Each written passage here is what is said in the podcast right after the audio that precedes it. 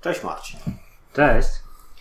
E, dzisiaj będziemy rozmawiać o tym, czy należy płacić swoje długi. No właśnie, bo tak się akurat złożyło. Od razu chciałbym zaznaczyć, że to jest temat Szymona, nie mój. Ja bardzo niechętnie ale, się ale, do to ty, ale to ty pierwszy przeczytałeś dług. Ja pierwszy prze- przeczytałem dług. e, Już nie pamiętam na, nawet, co mnie do tego skłoniło, ale no, chyba okładka, bo jest naprawdę bardzo ładna. E, Natomiast Właśnie to, w ten sposób wybieramy książki do czytania. e, powiem Ci szczerze, że ja tak. Znaczy, na, pewno, na pewno nie wybieram książek, e, które mają brzydkie okładki. A jeśli ma ładną okładkę i ciekawą treść i taki bardzo intrygujący opis, to, to tak. A jeszcze jak inni ludzie z moich kręgów czytają te same książki, to już w ogóle chcę mieć wyrobione zdanie na ten sam sposób jak oni.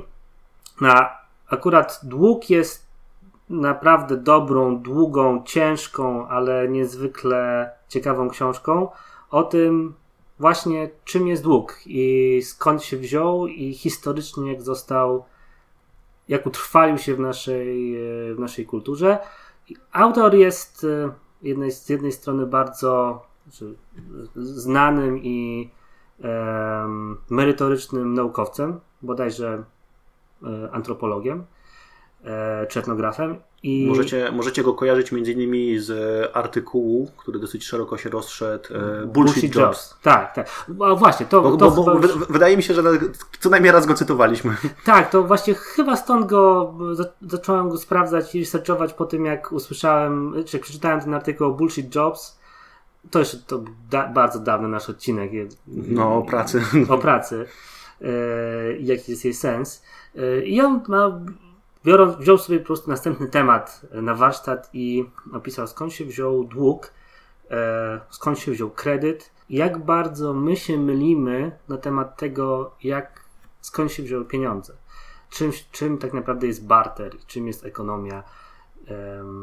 To, co powierzchownie teraz widzimy, jest tylko fragmentem większej układanki, e, który pochodzi z zupełnie innego źródła. Więc książka ma 500 stron ponad, jest bardzo długa, e, natomiast opisuje po kolei historycznie, jakie, jaka jest historia naszych interakcji e, i budowania ekonomii i dlaczego jesteśmy właśnie w takiej sytuacji, a nie innej, czyli według autora jesteśmy w czasie kryzysu kredytowego w gruncie rzeczy, w której każdy tak na w jakiś sposób jest dłużnikiem, albo większość, zdecydowanie przytłaczająca większość nas je, jest e, ekonomicznie zadłużona.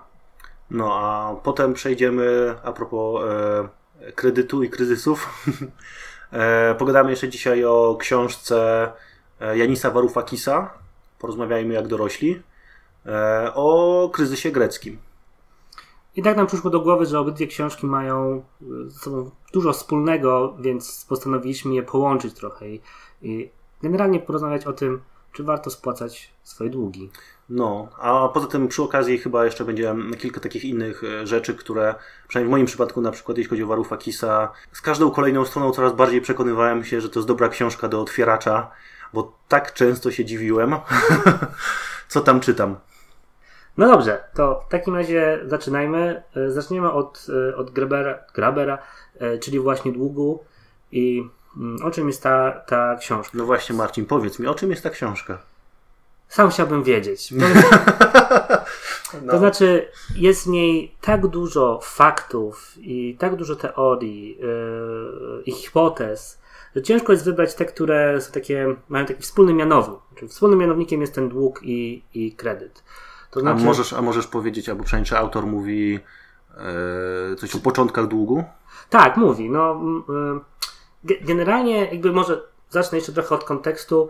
E, Adam Smith, obecnie panująca teoria jest taka, że e, początkami naszych interakcji takich ekonomicznych i gospodarczych był barter. To znaczy, ja miałem patyk, ty miałeś kamień, ja chciałem mieć kamień, więc dałem ci twój, y, mój patyk, jeśli ty go chciałeś, wymieniliśmy się i super. Nie? Jakby temat jest zamknięty i to był, to był barter. Jeśli są dwie strony barteru, to jeszcze da się to y, robić, ale na przykład jeśli mamy trzy strony, to zaczyna się komplikować, a jeśli mamy całe plemię albo dwa różne plemiona, które zaczynają ze sobą y, wchodzić w jakieś interakcje, to ta, ten barter przestaje być, czy narzut na ten barter jest bardzo wysoki. To jest niewygodne po prostu, bo jeśli chcesz mieć Y, ile musisz wykonać operacji, żeby dojść do, do produktu, który faktycznie chcesz, bo musisz wymieniać to cały czas i myśleć, kto inny ma jakie rzeczy, żeby móc je wymienić, żeby dojść do tego, co faktycznie chcesz. Więc to było niewygodne. Więc Adam Smith stwierdził, że y, w związku z tym bardziej efektywnym rozwiązaniem było wprowadzenie takiego symbolicznej formy waluty, y, czyli monet, czy muszelek, czy cokolwiek innego, coś, co nie ma faktycznej wewnętrznej wartości, tylko że jest pewnym symbolem. Swoją drogą ciekawe, czy Adam Smith e, miał na to jakiekolwiek e, dowody archeologiczne, historyczne i tym podobne, czy sobie po prostu Zupełnie wymyślił? No tak właśnie podejrzewałem. o tym właśnie Greber pisze, że ta teoria brzmi no tak, że nikt praktycznie by się z nią nie kłócił, bo jest logiczna, nie? W sensie... Yy, znaleźli, znaleźli łatwe rozwiązanie, więc je zastosowali. No, no właśnie, natomiast w książce było to wielokrotnie pokazywane, że to jest teoria, która nie ma pokrycia w żadnych dowodach brzmi super, ale no, nie mamy niczego takiego. Więc y, jeśli tak, no to y, co może było coś, co było wcześniej, coś, co było y, jeszcze przed tym barterem, albo coś, co było przed pieniędzmi, co nie było barterem, co faktycznie układało nas jakieś y, relacje społeczne. I tym właśnie był dług. To nie był kredyt, o którym my myślimy w tym momencie na zasadzie takim, że ktoś pożycza, pożycza 1000 zł albo i później spłaca 1200 za jakiś czas, tylko to był e, kredyt i dług oparty na takiej wzajemności. To znaczy, załóżmy, jeśli ja, ja chcę coś. E, było wiele różnych przykładów, ale jeśli ja chcę coś naprawić i potrzebuję od ciebie jakiegoś narzędzia, to mm, pytam się ciebie, czy masz to narzędzie i po prostu mi to e, mi je dajesz, ja to naprawiam i ci oddaję narzędzie nie? ale w momencie, w którym ja mam Twoje narzędzie, mam dług wobec Ciebie, nie? bo mam coś Twojego i później Ci to oddaję, więc dług jest y, y, spłacony. A poza tym y, zaczęły się budować relacje międzyludzkie oparte na długu i na kredycie, które nie, było, nie były materialne. Czyli to znaczy były po jednej stronie materialne, ale nigdy się ich nie powinno spłacać. Na przykład prezenty ślubne albo to, że cała wioska zbierała się na jakiś jeden, jeden konkretny cel dla jednej osoby i ta osoba miała do końca życia dług wobec tej całej społeczności, co gwarantowało tej społeczności pewną trwałość, trwałość pewien taki wspólny mianownik, plus fakt, że ta osoba nigdy nie będzie wroga wobec tej grupy. I tych takich długów, długu jako metody e, budowania relacji było bardzo dużo i nigdzie w nich nie było powiedziane do końca, że długi powinno się tego typu długi powinno się spłacać. Znaczy, bo e, ja pamiętam, myśmy kiedyś, kiedyś e, jak rozmawialiśmy o tej książce, ty powiedziałeś coś takiego, że, e, bo że dług, który został spłacony, kończy relacje między dwiema stronami. Tak. Te, ty, tych stron już nic nie łączy. No tak, formalnie taka zasada wzajemności się kończy, więc nie mamy, nie mamy żadnej relacji, więc znów jesteś dla mnie neutralny. Mhm. Ale jeśli ja coś ci daję, to po pierwsze musi, musisz być dla mnie e, wystarczająco zaufany, co też jest sygnałem społecznym. A po drugie, jeśli ja coś daję, to, e, to się, przynajmniej według tej teorii, to wiąże się też z pewnym ryzykiem, że nigdy tego nie dostanę i ja muszę brać to ryzyko pod uwagę. Natomiast to, jak zmieniło się myślenie o długu i kredycie obecnie, w momencie, kiedy mamy dług jest kwantyfikowalny, jest policzalny i każdy może powiedzieć, ile ma długu wobec banku czy jakiejś instytucji finansowej, e, to jest to, że ten dług jest, e, musi być spłacony. Bo jeśli nie jest, to mamy odsetki, które narastają, mamy kary za niespłacanie e, i tak dalej. I w gruncie rzeczy każdy, każdy bank ma niemalże gwarantowane, że dług, który do niego zaciągasz, zostanie spłacony. Bo nawet jeśli bank sobie z tym nie da rady, to są instytucje, które sobie z tym dadzą rady, dadzą radę, a poza tym jest cała e, struktura państwowa, która służy do tego. Są komornicy i tak dalej. Więc jakby cały system jest zbudowany po to, żeby spłacać długi. Żeby spłacać długi.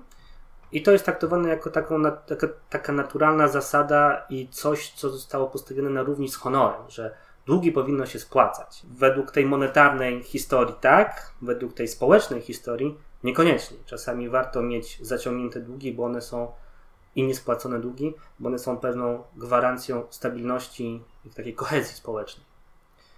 E, to nie zmienia faktu, że oczywiście przy tym założeniu są ludzie, którzy mimo tego, że mają zaciągnięte społeczne długi, też były te historie opisane, to cały czas zaciągali następne.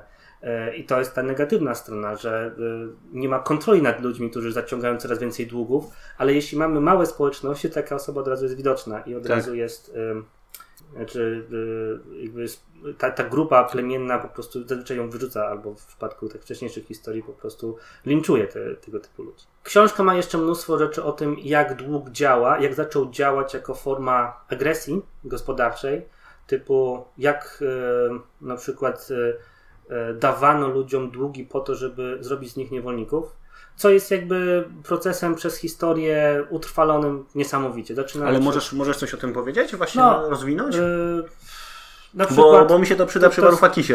Okej, okay, no to to jest, y, to zaczęło się w kulturze sumeryjskiej, w ogóle sama idea długu zaczęła się w kulturze sumeryjskiej który, i, i chłopi mogli zaciągnąć u, u panów dług i później go nie spłaca, nie byli w stanie go spłacić, więc dzieci tych, tych chłopów byli, były brane za, za niewolników.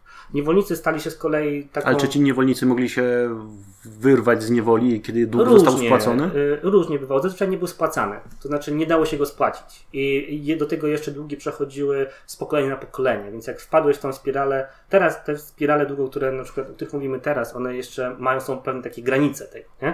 Natomiast y, wcześniej y, długi przechodziły z rodziny na rodzinę, z rodziców na dzieci i później na ich dzieci. I czasami bywało tak, że mogłeś stać się dłużnikiem e, nawet nie, to, że, nie przez to, że coś pożyczyłeś i nie oddałeś, ale ze względu na to, jakiej byłeś e, rasy, albo na przykład kiedy się urodziłeś. E, w kulturach to było bodajże afrykańskich były takie przykłady, że nie pamiętam dokładnie jakie były szczegóły, ale mogłeś, można było się stać przypadkiem dłużnikiem. Nie ma. Ale no, no jak na przykład? A, więc to, to było trochę tak, że żona mogła zostać y, niewolnikiem, znaczy w sensie mąż y, zrobił coś źle wobec, nie wiem, tam mm, szefa plemienia i przez to żona zostawała dłużniczką, stawała się niewolniczką, niewolniką, niewolnicą i przez to nie... I to był sposób na kontrolowanie tego, tego mężczyzny przez szefa całej grupy. Ale czy to były długi już w takim rozumieniu bliższym współczesności, że tam już chodziło o pieniądze, czy nie? To jeszcze nie to, to jeszcze były takie długi czysto społeczne. Znaczy było wypaczenie tych, tych idei, takiej budowania takiej relacji społecznej. Czyli to, to, jak taki dług, dług w ogóle można było spłacić? Nie można było. I y, pojawiały się sytuacje, y, i to jest ten y, tak zwany jubileusz. Nie wiem, czy wiesz, skąd wzięło się pojęcie Nie. jubileusz. Biorąc pod uwagę, jak szybko można się zadłużyć, jak całe społeczeństwo może się zadłużyć, mm, dochodziło do sytuacji, w których były rewolty dłużników. I to już, to był chyba Egipt, później Grecja i Rzym podejrzewam też, tak duża grupa w granicach 80-90% społeczeństwa było dłużnikami. No tutaj pozostałe 10%? Tak, tak. Niewolnikami także przez to, no. E, że były rewolty dłużników. E, I to spowodowało, że jakby cały system się zawalał. To znaczy, mm -hmm. jakby nie dość, że e, oni utrudniali swoją, znaczy w sensie walczyli o swoje, ale też niszczyli jakby rzeczy, które zostały już całą strukturę społeczną i, i infrastrukturę, e, która została wbudowana i to nie służyło niczemu dobremu, więc e, wymyśl, wtedy wymyślono, czy to królowie chyba egipscy wymyślili tak zwany jubileusz, który został przeniesione na, e, na inne kultury, znaczy taki reset, sytuacja, w której stwierdzamy, to jest moment, w którym wszystkie długi są darowane i od tej pory jesteście na zero, możecie się zadłużać jeszcze raz, niestety. Mm -hmm. Natomiast y, nikt nie może od Was wymagać spłacenia długów, które zostały zaciągnięte wcześniej. wcześniej. Dzięki temu, to był taki reset systemu, dzięki temu y, spuszczano y, powietrze z tego balonika. No i Ale te, te jubileusze się zdarzały, nie wiem, raz na 50 lat, czy na przykład co roku? E, wiesz co, nie pamiętam teraz. Tam, e, jeśli na tyle na ile wygrzebałem, to wydaje mi się, to było w granicach 50 lat. Okay. Raz, raz na 50 lat, ale to, to bywało różnie. Natomiast idea jubileuszu jest rzeczą jeszcze wcześniejszą od, nasze, od religii monoteistycznych. O. On, I to później ta idea, przynajmniej Greber tak twierdzi, została, została zaciągnięta do, mm, do religii jako takiej. Co więcej, jakby Greber ma mnóstwo argumentów za tym, że kwestia długu i kredytu e, jest jedną z podstawowych, e, głównych e, wątków, które przetacza się przez chrześcijaństwo, między innymi. Grzech, e, odkupienie, mm, właśnie jubileusz. To są wszystko elementy, które nie pojawiły się znikąd, e, tylko chociażby dług człowieka wobec Boga. To są wszystko rzeczy, które wcześniej istniały w, w relacji między królem a poddanym. Mhm. Zostało napisane jeszcze raz e, w nowej interpretacji. Greber ma taką fascynującą historię o tym, albo taką teorię o tym, że pieniądze pojawiły się dlatego, że trzeba było w jakiś sposób płacić wojsku, e, więc wojsko miało płacone pieniędzmi, e, no bo parterem ciężko było e, nakarmić wojsko, bo wojsko po prostu plądrowało cały, cały teren, ale trzeba było kupić jakoś ich lojalność. No tak, bo to ci- ciężko em, barterem zaopatrzyć całą armię, Tak. bo każdy z nich musiałby ze sobą na wojnę nosić majątek. Tak, więc e, ten cały mechanizm zaczął się od tego, że zaczęto płacić pieniędzmi em, najemnikom. E, żeby mieć te pieniądze, to zbierało się podatki od ludzi.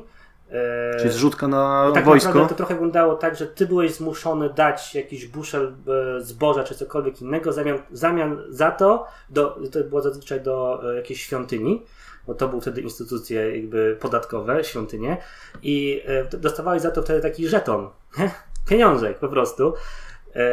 I dzięki temu można było albo i nakarmić wojsko. Wojsko jak przechodziło przez te wszystkie tereny, to widziało pieniądze, brało te pieniądze i te pieniądze też wymieniało z powrotem na, na zboże. Więc zaczął tak tworzyć się jakby ekonomia przez to, że wojsko było mechanizmem do tego, żeby wymusić na ludziach i także na jakby podatki były mechanizmem na to, żeby wymusić na ludziach to, żeby, e, żeby e, operować pieniędzmi. To jest jakby zupełnie, ja nie, nie słyszałem o tym nigdy wcześniej, No. a brzmi e, fascynująco. Ale też chyba dużo takiego sensu w sensie, że to było po prostu praktyczne rozwiązanie problemu.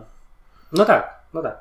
To jest to. Jest to. Jakby było tutaj mnóstwo, mnóstwo dodatkowych teorii, jeśli chodzi o, o Grebera. Jest jakby prze, przekrój przez właśnie Sumer, przez Grecję, przez Rzym, e, przez Republikę, w której był opisany wątek tego, kto, może, kto powinien być dłużnikiem, a kiedy jest nieetyczne dawać komuś e, kredyt na przykład. I to też No Greber... właśnie, no właśnie, bo przecież z e, długami, lichwą i tak dalej e, w religiach e, no jest dużo, Tak, delikatnie mówiąc, krytyki, tak, znaczy to... zakazów.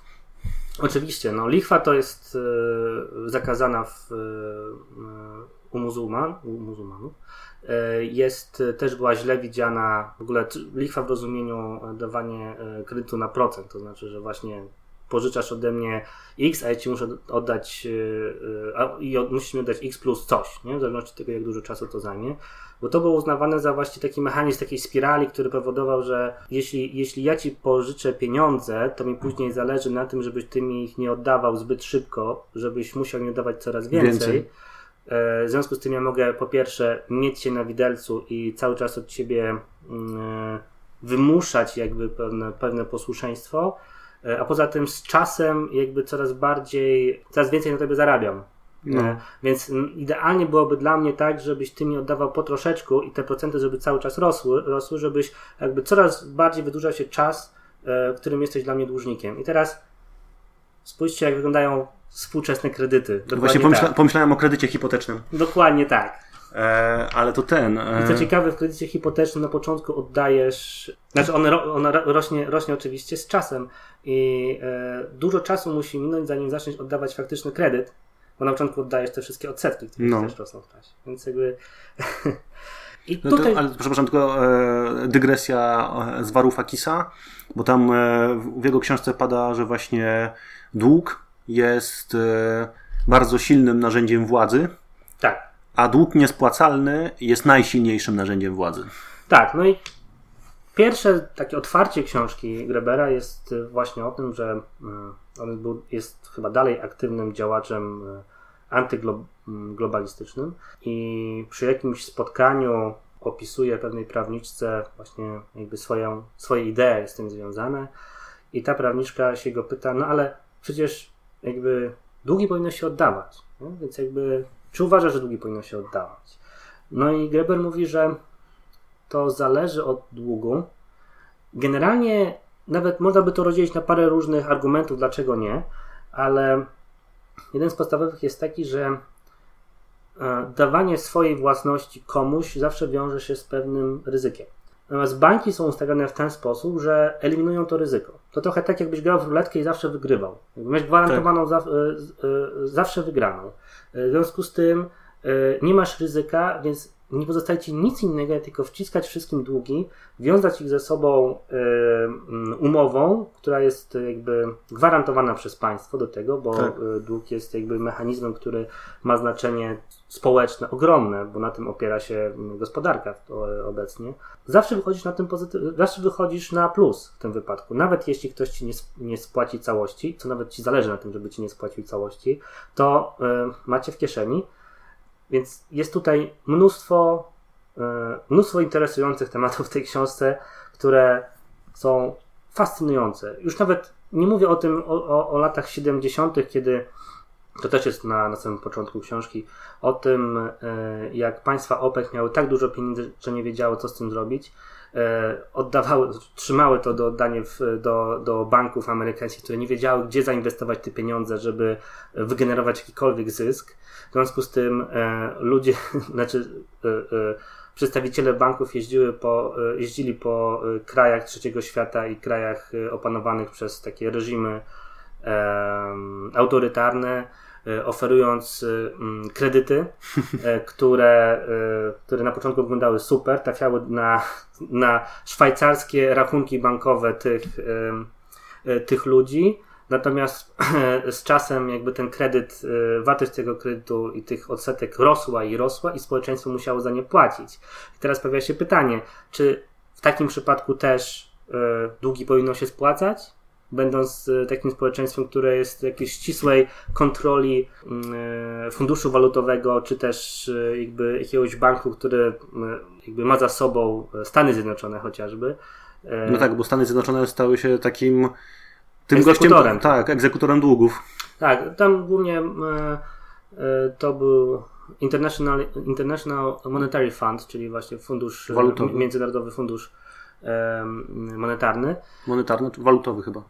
Okej, okay, chyba tak. I, I on jest takim ekwiwalentem gościa na łyso, wiesz, obciętego, e, e, dużego, który, który tam trzyma w, w ręku kij baseballowy. A właśnie e, a propos funduszu, ciekawostka w kontekście z kolei książki Varoufakisa i Grecji, bo z tego co wiadomo, stosunek właśnie funduszu walutowego, Międzynarodowego Funduszu Walutowego gdzieś tam przez lata trochę się zmieniła z takiego bardzo bezwzględnego który ściąga wszystkie długi, a w historii z Grecją z kolei on jest tą stroną, która jest skłonna restrukturyzować dług, bo nie chcą pożyczać więcej w sytuacji, kiedy wiedzą, że dług jest niespłacalny, e, a to właśnie Unia Europejska jest przeciwko.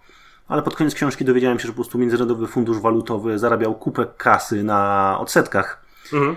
E, I ostatecznie długu nie zrestrukturyzowano, więc zarabiali dalej. No, e, więc y, Tutaj, ale na przykład restrukturyzowanie długu, i to też jest e, w, w tej książce opisane, to też jakby jest warunkowe. To znaczy, tak, tak. zazwyczaj to jest taki mechanizm, że e, załóżmy, że zaciągasz dług, na przykład, ale nawet nie ty, nie ty jako społeczeństwo jakiegoś tam małego kraju, tylko jakby e, twój premier, czy prezydent, czy jakiś wataszka. W twoim imieniu, jako W twoim imieniu.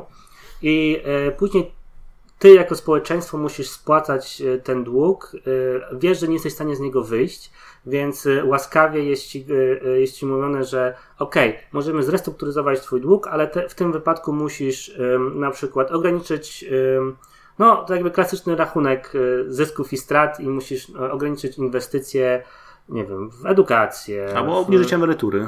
Tak, albo zamknąć inwestycje jakieś strukturalne i Albo tak sprzedać nam fabrykę.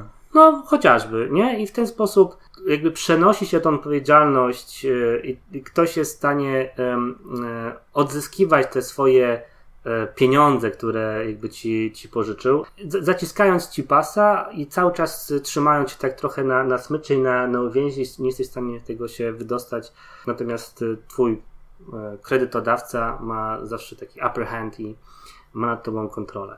A to ja ci opowiem historię, e, z, że tak powiem, z życia. E, byłem swego czasu bardzo blisko takiej sytuacji, w której Bank przyszedł do firmy. Mhm. Rzecz się dzieje w Polsce. Okay. Firma niewielka, no ale e, bank, w którym firma miała rachunek taki bieżący, mówi: Damy wam linię kredytową. Tutaj spełniacie warunki, musicie tylko zachowywać obroty. Przedstawiają to w taki sposób, że nie ma tutaj w ogóle żadnych kosztów. Tak, no. Firma była w takiej sytuacji, że faktycznie jakby trochę dodatkowej gotówki w tamtym momencie by się przydało. No ale nie, w ogóle nie rozważała brania kredytu, pożyczki. Bardziej było na zasadzie, nie mamy kasy, no to musimy sobie jakoś radzić i pewnie by sobie poradzili. No i firma wzięła tą pożyczkę. E, zaczęła mieć problemy, bo tam klienci e, poodchodzili. Dosyć szybko całą tą linię kredytową firma wykorzystała. Potem się zorientowała, że musi się zrestrukturyzować, poprawiła swój bilans. No i mija rok. I bank znowu mówi, bo ten dług nadal tam był, no nie? Ale mniejszy. I bank mówi, nie przedłużymy wam tego. Firma zaskoczona przynosi, bo oczywiście trzeba przynieść e, sprawozdania e, z księgowości i tak dalej. Okazuje się, że bilans firmy jest dużo lepszy niż w momencie, kiedy dostawała pożyczkę. Mhm. Ale bank mówi: Nie, nie, nie, nie, nie. No nie przedłużymy wam, musicie wszystko teraz spłacić. Oczywiście kwota jest taka, że tam firma w ciągu miesiąca nie jest tego w stanie spłacić. I dochodzi do sytuacji, w której firma zupełnie zmienia w ogóle, jakby podporządkowuje całą swoją działalność tylko i wyłącznie spłacaniu długu. Przez rok bank zgarniał odsetki od e, pożyczki, plus jeszcze tam były takie warunki, że jak się nie ma jakichś tam obrotów na rachunku, to odsetki są większe. Oczywiście prawie nigdy nie było tych obrotów. Że wiadomo, że też zła decyzja, że wzięto w ogóle tą pożyczkę, no nie, ale no to jest właśnie ta sytuacja, że Przychodzą Amerykanie, którzy mają za dużo pieniędzy. Weźcie kredyt. Dokładnie. E, no i kończąc, kończąc historię, firma właściwie się zwinęła, bo w którymś momencie jakby wszystkie pieniądze, które były na koncie, no wszystko poszło na spłacenie pożyczki. Bank odzyskał swoje pieniądze, odzyskał e, oczywiście z, z odsetkami e, dużymi, mhm. ale firma się zwinęła.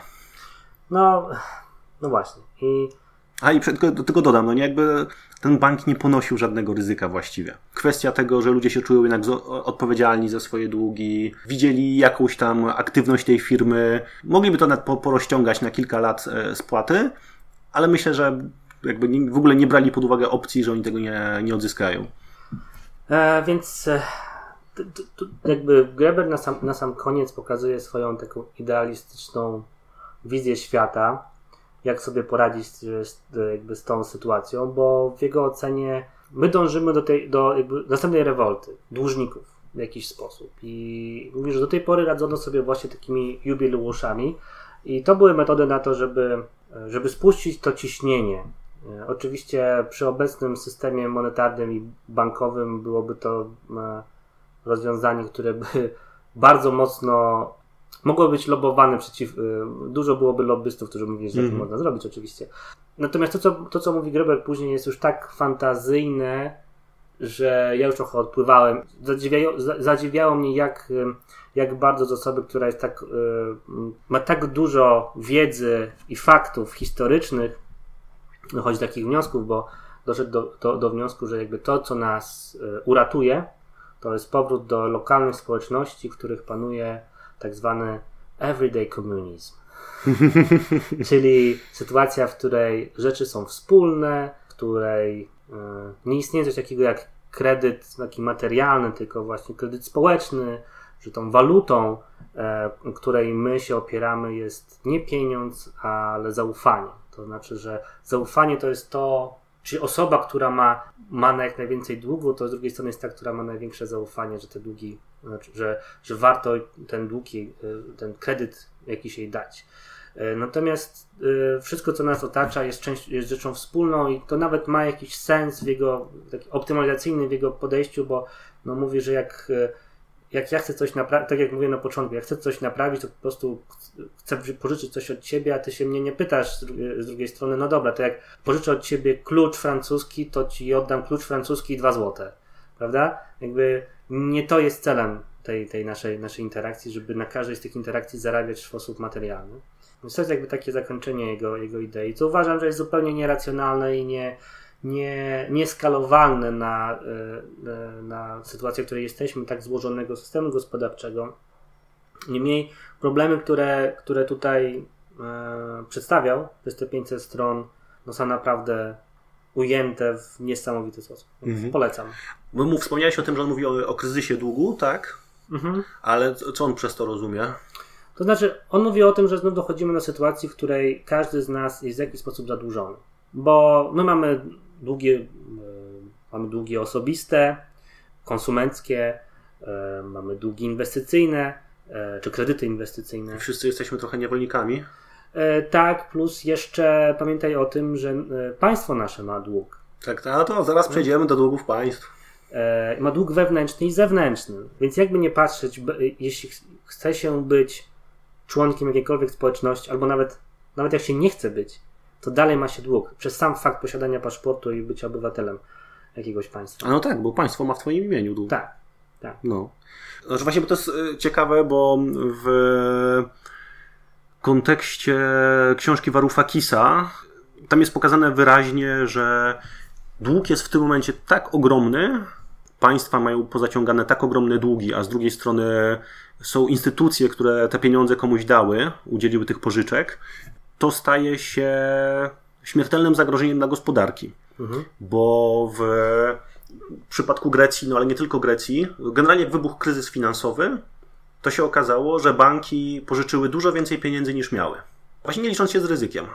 Okay. E, I w sytuacji, kiedy tylko niewielka część e, dłużników nie była w stanie spłacać swoich długów, to banki się no, mogły się wysypać. Znaczy wysypałyby się, gdyby nie, gdyby nie ingerencja e, rządów, które zaczęły po prostu ściągać te pieniądze od, od, od, obywateli, to o czym mówiłeś, no nie? Odbieranie świadczeń socjalnych i wiele innych działań. Zaciskanie pasa, to się chyba austerity measures. Tak, po angielsku. Warufakis to austerity tłumaczy, to czy w polskim przekładzie to jest tłumaczone jako polityka oszczędnościowa, natomiast wiem, że w języku angielskim to austerity to jest bardzo powszechnie stosowane teraz hmm. określenie. No i doszliśmy po prostu do absurdalnej sytuacji, w której dług jest tak ogromny, że nie można przestać go spłacać, bo wtedy wszystko się wali. Mhm. E, I banki są tak wylewarowane, to znaczy, że one mają pożyczyły 40-krotność, 50-krotność albo jeszcze więcej tych e, pieniędzy, które mają, że wystarczy, że jeden na 50 dłużników przestanie płacić i nagle się okaże, że bank jest bez pieniędzy. Mhm. A naprawdę w tak skomplikowanym systemie, w którym żyjemy obecnie, o coś takiego nie jest trudno. I czy to jest moment, kiedy przechodzimy do Warufakisa? No to jest dokładnie moment, w którym przechodzimy do Warufakisa. E, no tylko powiem taką inną rzecz, bo jak teraz o tym no. mówiłeś, to E, e, skojarzyło mi się taki, taki obrazek, który może damy na okładkę, bo chyba bardzo pas no. pasuje. To jest e, kula, kula ziemska, jest księżyc obok, jest taki podpis, czy tam Mars, jest pod kulą ziemską opis, że wszystkie społeczeństwa na kuli ziemskiej są zadłużone na ileś tam miliardów, bilionów, no. milionów dolarów E, I teraz pojawia się pytanie, to kurde, komu jesteśmy tak, zadłużeni? Tak, kto nam pożyczył te kto pieniądze? pieniądze, te pieniądze, skoro wszyscy są zadłużeni. Nie? To jest jakby spirala bez końca. No ale przejdźmy do, do Twojej książki. Więc e, książka o tytule porozmawiajmy, porozmawiajmy, porozmawiajmy jak dorośli, chociaż wolę angielski oryginał Adults in the Room. To są wspomnienia e, Janisa Varoufakisa, który w 2015 roku przez pół roku był ministrem finansów Grecji. No i próbował ratować e, swój kraj właśnie z pętli zadłużenia, z e, sytuacji, w której wierzyciele naciskali na kraj i wprowadzali, e, właśnie korzystając z, ze swojej władzy, no, drastyczne, trudno mi nazwać reformy, ale, ale jakieś programy, które doprowadzały Grecję do ruiny, byle tylko po prostu ściągać te pieniądze. A dobrze, ale to by, widziałem fragmenty, bo mm mi, mi fragmenty e, tej książki i jedna rzecz mnie zastanawia, bo jaki jest jakby cel końcowy tej całej historii? To znaczy, bo e, jakieś tam motywacje są, prawda? I zakładam, że jedną e, e, wśród tych ludzi, którzy te długi ściągali, jedną z nich jest to, żeby ściągnąć te długi, no bo e, długi się powinno oddawać. Ale z drugiej strony zakładam, że też istotne było to, żeby Grecja nie e, popadła w ruinę, bo jest częścią Unii Europejskiej, więc jakby może e, zaraz za, może pociągnąć za sobą następny kraj. I teraz zastanawiam się, co było celem końcowych instytucji, w sensie IMF i, i Unii Europejskiej, e, czy faktycznie ściągnięcie tych długów, czy zachowanie pewnej stabilności?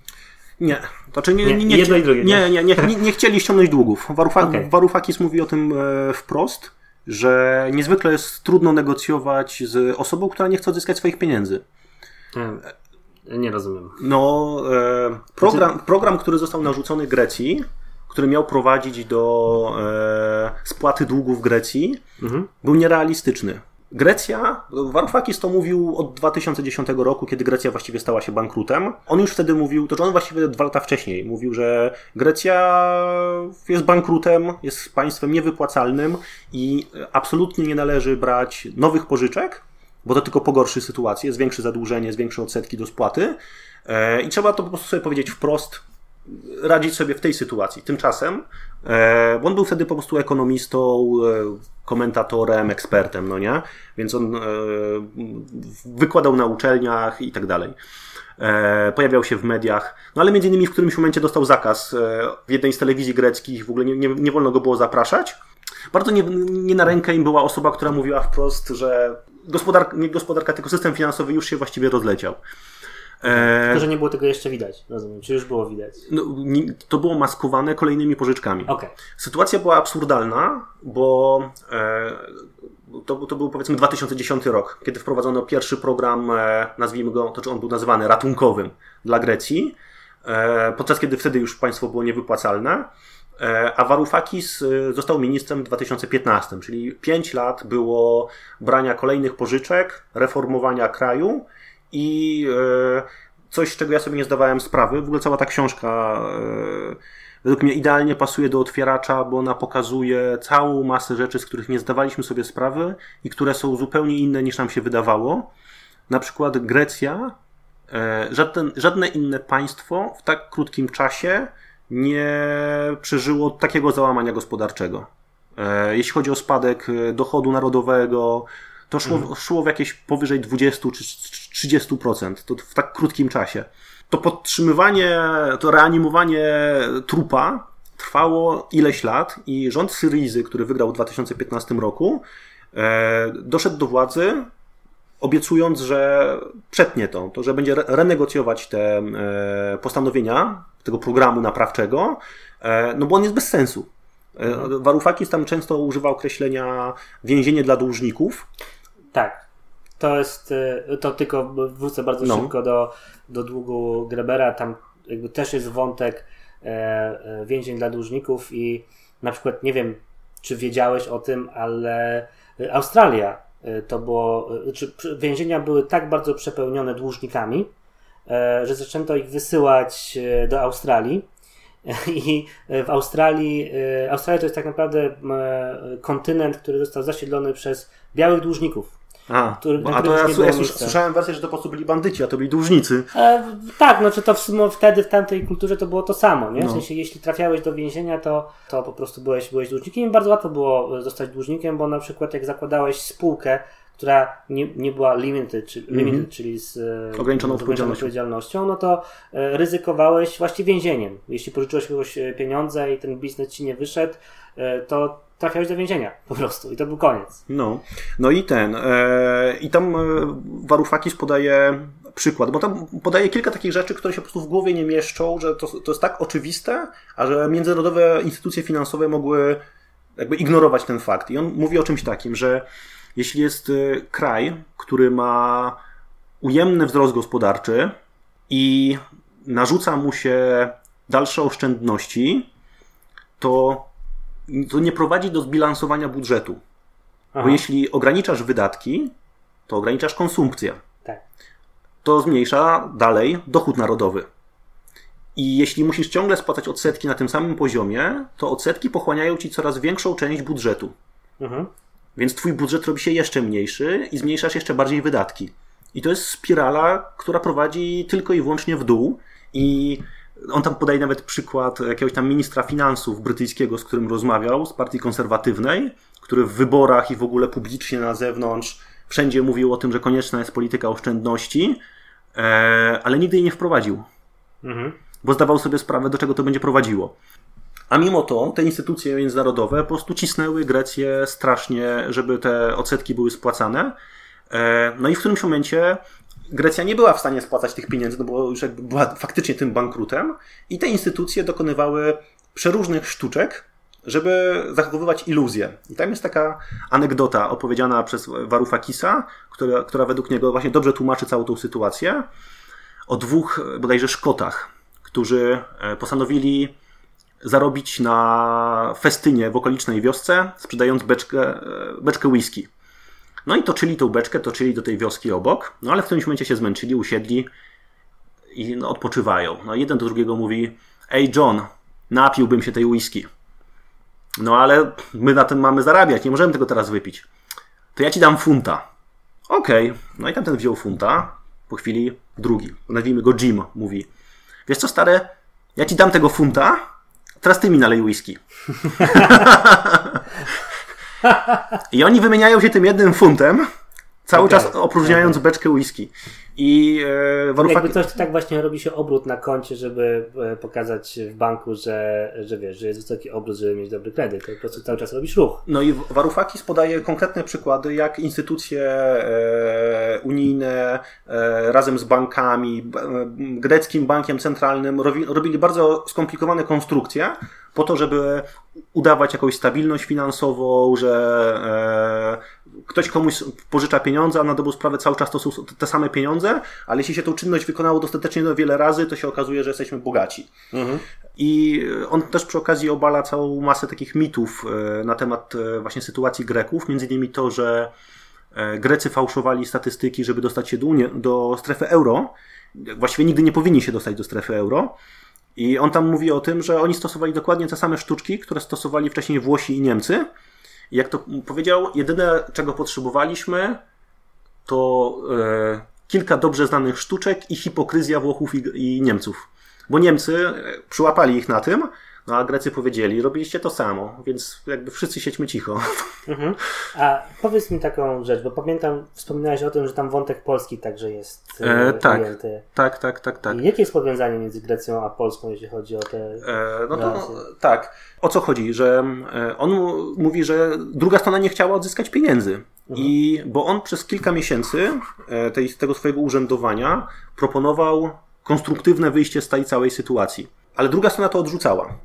E, bo ty, ty pytałeś, no nie, jakby, jaka była motywacja. Tak. E, Warufakis jest według mnie niesamowity w tym, że on e, na, na wstępie tej książki, on tak naprawdę nikogo nie oskarża. Nikogo nie ocenia negatywnie. Mówi o tym, że jakby cała ta sytuacja przypominała grecką tragedię, w sensie jako gatunek literacki. Że byli tu sami aktorzy, zaplątani jakby w swoje rzeczy, które muszą zrobić, i wszystkie decyzje, które mogą, mogą podjąć, są tylko złe. Mhm. Co mnie strasznie dziwiło, bo jak dochodziłem do końca tej książki, to po prostu niektórzy bohaterowie tych wydarzeń, naprawdę nie byłem w stanie ich oceniać neutralnie. Więc on przez e, ileś miesięcy proponuje, proponował te rozwiązania konstruktywne. Druga strona w ogóle jakby nie chciała ich przyjmować, jakby to było niesamowite. Spotkania, wiesz, głów państw. On coś mówi, a oni się nie odnoszą do tego w ogóle. I on w którymś momencie od e, kogoś wysoko postawionego w Stanach Zjednoczonych, jakiegoś szefa tego funduszu w ogóle walutowego albo kogoś będącego zastępcą. Tamten gość w którymś momencie mówi, ale możecie zrobić tak, jak zrobiła Polska. I e, mówi o tym, że Polska była jedynym krajem w historii Międzynarodowego Funduszu Walutowego, który nie zgodził się na e, program funduszu. Tylko powiedział: Nie, nie, nie. My przygotujemy swoją propozycję ten gość doradził właśnie Varoufakisowi, żeby Grecja też przygotowała taką swoją propozycję, żeby nie zgodziła się na ten narzucony program. E, I zresztą przy tworzeniu tego programu e, alternatywnego uczestniczył ten sam ekonomista, Jeffrey Sachs, który blisko współpracował cały czas z Varoufakisem. Był współautorem wielu tych propozycji, nawet uczestniczył w części spotkań e, tam na szczycie. I on jest jakby świadkiem, który potwierdza wiarygodność tego, co Warufakis pisze, bo tam e, widziałeś pewnie na fejsie, ścierałem się z pewną osobą, która w ogóle nie wierzy w żadne słowo Warufakisa, natomiast Warufakis tam podaje całą masę jakby dowodów i, i świadków tych wydarzeń. Te, te, te rzeczy, które on przygotowywał, były tworzone z, z świetnymi ekonomistami. Ale znowu ta propozycja, którą przygotował Warufakis, w ogóle nie została przyjęta. Była ignorowana zupełnie. To jest trochę taka sytuacja, to o czym ty mówiłeś, e, że wierzyciele mają nad tobą władzę. Mhm. Instytucje, które pożyczyły pieniądze Grecji, jakby to one dyktowały warunki. W jaki sposób ten dług będzie spłacany, jakie reformy mają narzucić i coś, co jest naprawdę zupełnie nieprawdopodobne dla mnie. Na przykład to, że niektóre części ministerstw, części jakby państwa greckiego były wyjęte spod władzy Grecji. Na przykład Urząd Skarbowy e, nie podlegał ministrowi finansów. Jak to? No, to była część, część porozumienia z tą tak zwaną trojką, czyli tymi instytucjami, e, które wiesz, jakby odpowiadały za e, zajmowanie się długiem Grecji. Oni uznali, że Grekom nie można wierzyć i Ministerstwo Skarbu podlegało, nie podlegało pod ministra finansów, ale minister finansów za nie odpowiadał. Czyli za wszystkie fakapy minister, e, Urzędu Skarbowego odpowiadał minister, ale nie miał żadnego wpływu. I, i, I tak samo na instytucje odpowiedzialne za prywatyzację, za całą masę innych rzeczy. E, minister finansów był pozbawiony narzędzi, a odpowiadał za, wiesz, za to wszystko. Okej, okay. to powiedz mi taką rzecz. E, cofnijmy się do. A, przepraszam, bo, sorry, bo po 10 minutach odpowiadam na Twoje pytanie. e, on podejrzewał, Varoufakis, że tak naprawdę nie chodziło w tej całej sytuacji o dług Grecji, tylko o stabilność strefy euro i żeby nie wysypały się kolejne kraje. Bo w bardzo podobnej sytuacji były Włochy, Portugalia, Hiszpania, Hiszpania, Portugalia, Irlandia. Chodziło o to, żeby zastraszyć pozostałe kraje. I są tam przykłady naprawdę absurdalnych sytuacji, kiedy politycy z Włoch, Hiszpanii, Francji w rozmowach e, jakby dwustronnych popierają Warufakisa i tak dalej, ale potem, kiedy jest wspólna, e, wspólna jakaś tam e, narada i jest już minister finansów Niemiec, mhm. to po prostu wszyscy zachowują się, jakby nigdy z nim nie rozmawiali i są przeciwko Grecji. I ta, w ogóle ta książka też jest niesamowita, bo ona pokazuje niesamowite zależności, jakby interakcje, które są nieoczywiste. I na przykład jest tam historia e, premiera bodajże hiszpańskiego, który totalnie zgadza się z Warufakisem, ale nie może tego przyznać, bo jest z partii, która rywalizowała z Podemosem, czyli jakby hiszpańską Syrizą. Mhm. Więc żeby, a, a zbliżały się wybory. Więc mimo tego, że dla jego państwa byłoby dobre połączyć się z Grecją i jakby być sojusznikiem i wspólnie przepychać ten program, no to on się obawiał, że to by wzmocniło e, konkurencyjną partię u niego w kraju. Wow. No. wow. No to e, pierwsze moje pytanie, znaczy mam dwa. No. Mm, pierwsze jest takie, żebyśmy cofnęli się do początków problemów w Grecji. No. E, żebyś mi odpowiedział na pytanie, jakby skąd one się faktycznie wzięły. Bo mówisz, że no, jakby przynajmniej to tak laicko, jak, jak ja o tym słyszałem, to faktycznie wynikało z tego, że była duża różnica między tym, jak Grecja była postrzegana jako gospodarka, a tym, jak faktycznie była strukturalnie. To znaczy, że faktycznie był tam wysoki poziom korupcji, ludzie oszukiwali, e, jeśli chodzi o podatki, optymalizowali jak tylko mogli. I jakby czytałem wiele reportaży o tym, że to jest gospodarka, której i sam to pamiętam na takim subiektywnym, własnym przykładzie, e, że na wyspach greckich nie da się zapłacić kartą E, bo wszyscy płacą gotówką, bo gotówki nie trzeba ewidencjonować, mm -hmm. więc jakby nie ma po, po, nich, po nich śladu. Um, więc, no dobra, to zacznę od tego mojego pierwszego, pierwszego pytania.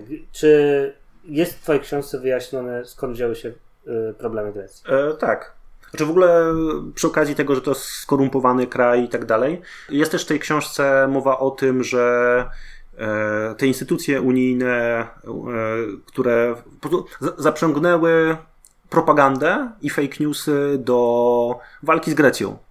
E, I, są tam, I to jest straszne, bo jak sobie przypomnimy teraz 2015-16 rok, wielkie oburzenie całego Zachodu, dobrych, poważnych polityków na fake newsy w Ameryce i tak dalej, a tam jest wiele przykładów tego, jak e, właśnie instytucje unijne wypuszczały fake newsy uderzające w Grecję i jakby zbudowano narrację, w której leniwi, głupi, skorumpowani Grecy a cała Europa dobra.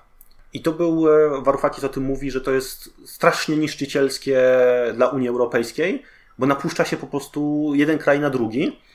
E, a co do tego, czy Grecy faktycznie tacy byli, no Warufakis ich nie broni. On mówi o korupcji, mówi o kiepskiej ściągalności podatków i tak dalej. Tylko, że te wszystkie rzeczy były też wcześniej.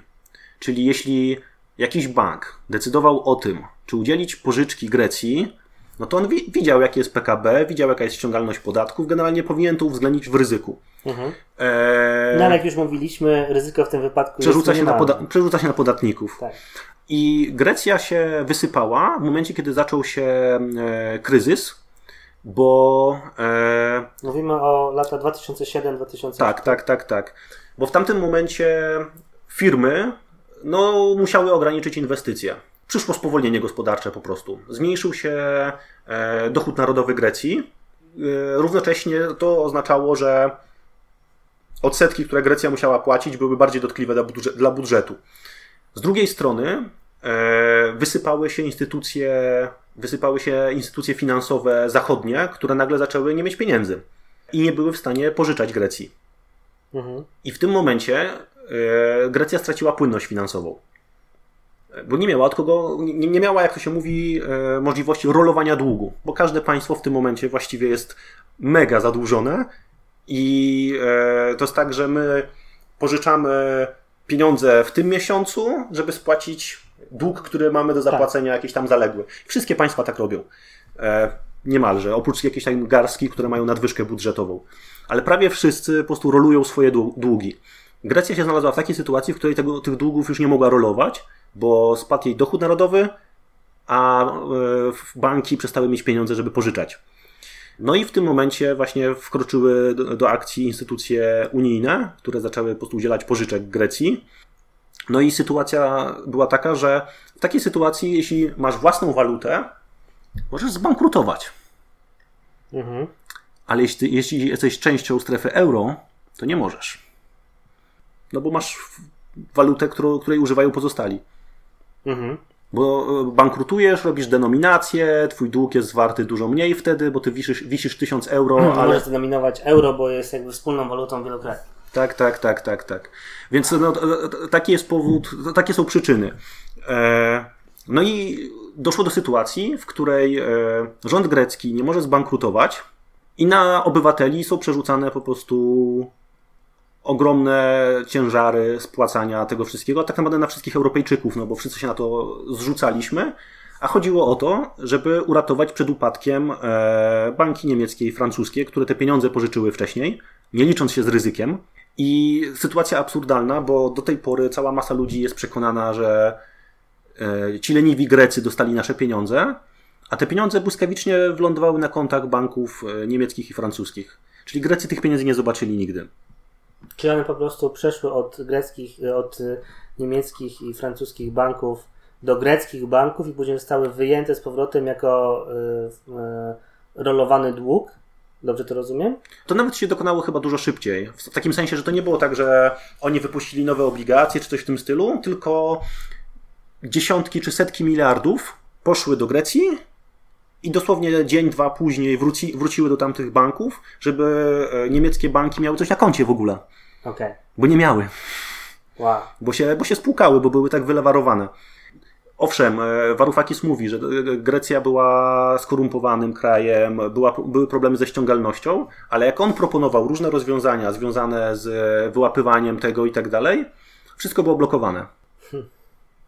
Bo chodziło o to, że mają się trzymać po prostu dotychczasowego programu i nie można było wprowadzać żadnych zmian.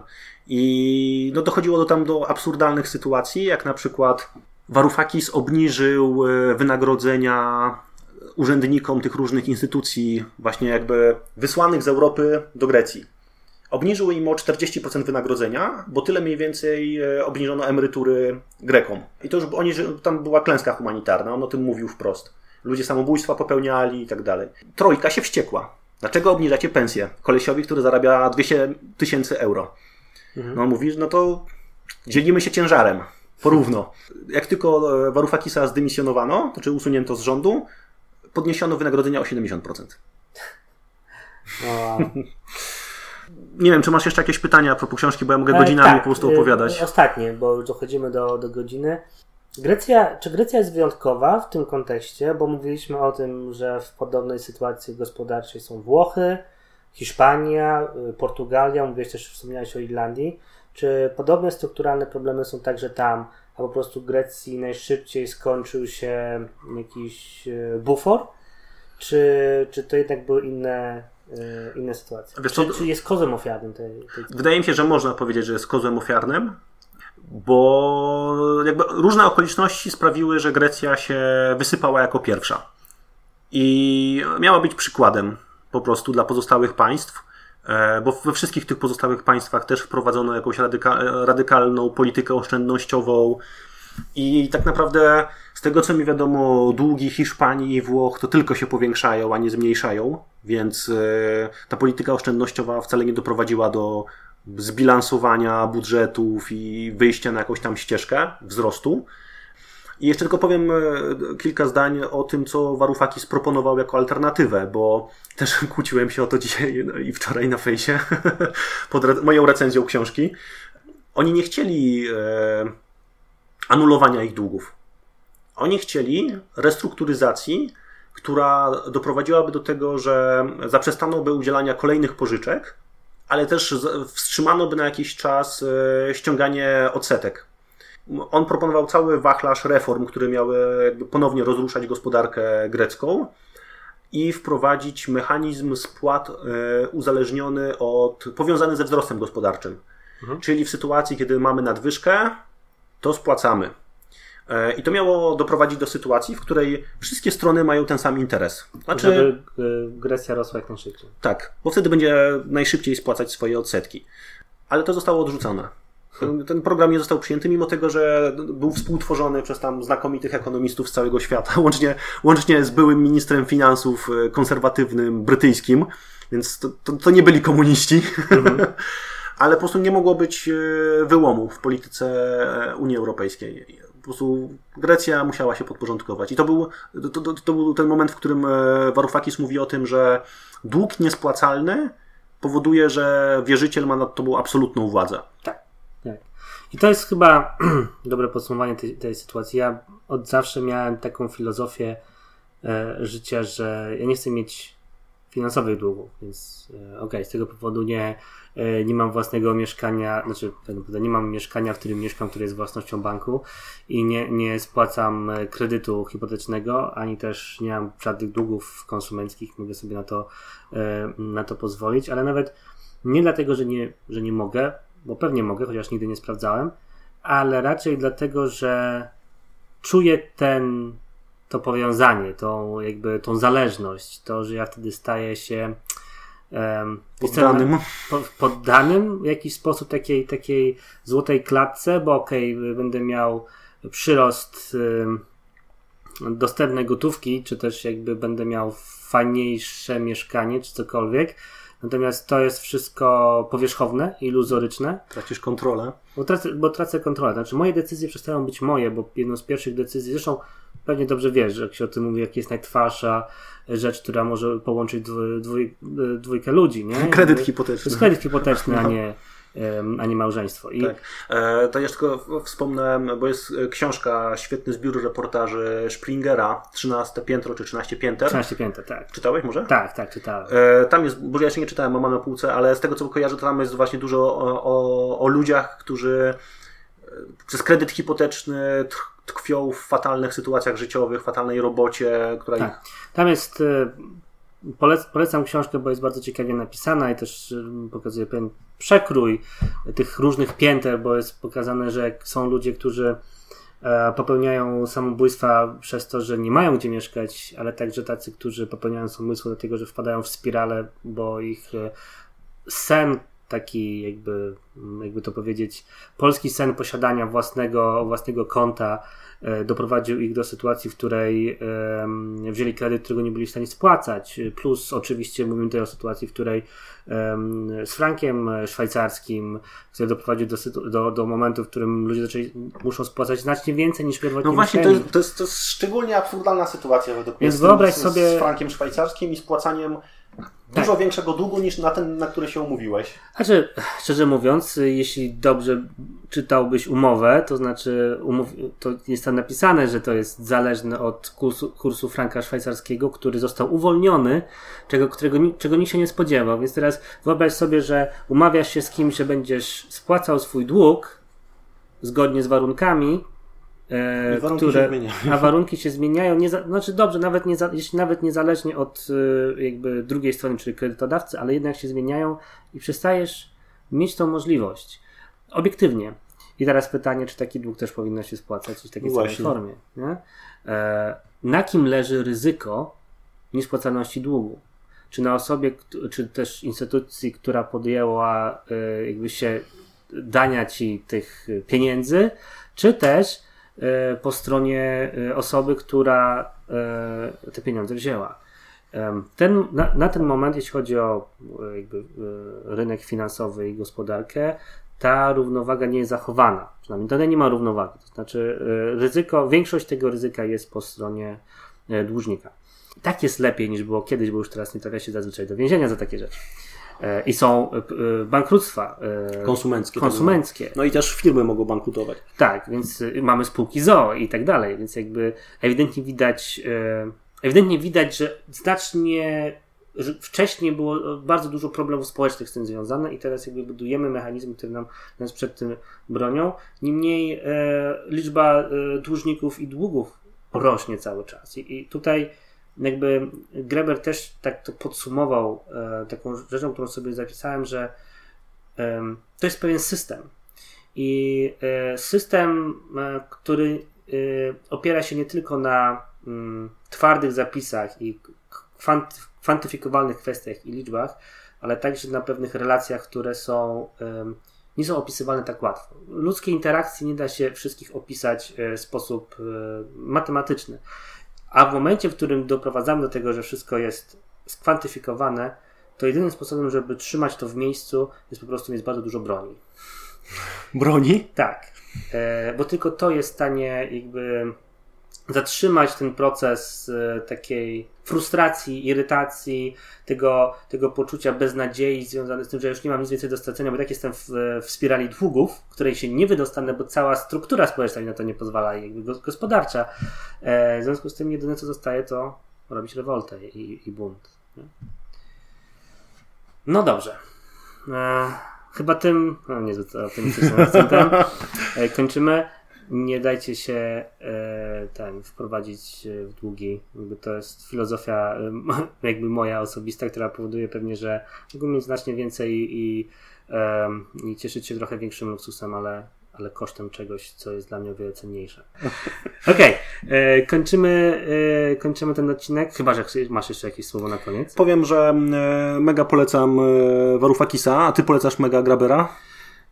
Mega to nie, ale polecam troszeczkę. Yy, To jest bardzo trudna lektura. Ja, ja słuchałem jej jako audiobooka, może dlatego. I pierwszy raz mi się zdarzyło, że podczas słuchania audiobooka zasnąłem.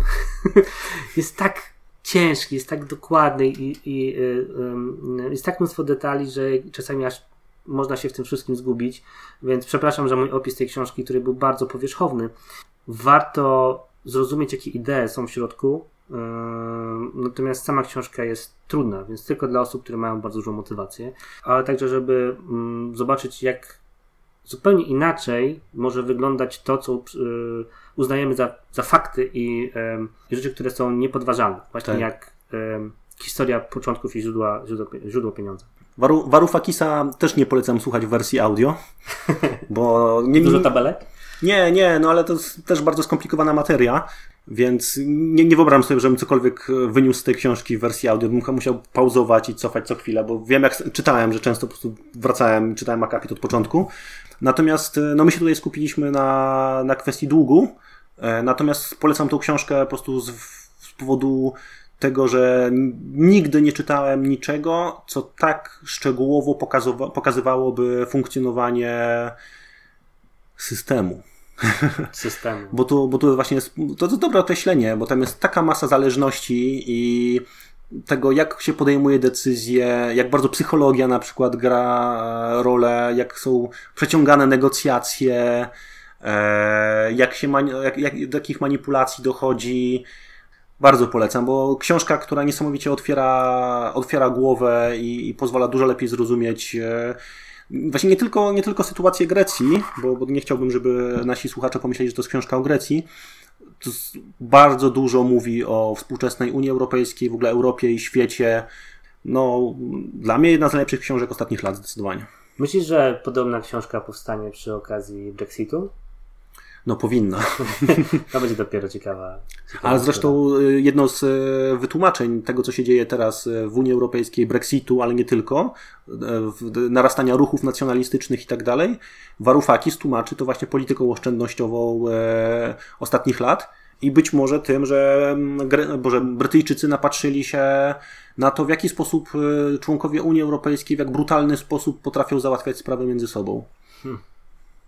To będzie też ciekawa kwestia do analizy za, za kilka czy kilkanaście lat. No. Tymczasem kończymy. E, dzięki bardzo, Szymon, za dzięki. następny odcinek i do usłyszenia. E, do usłyszenia.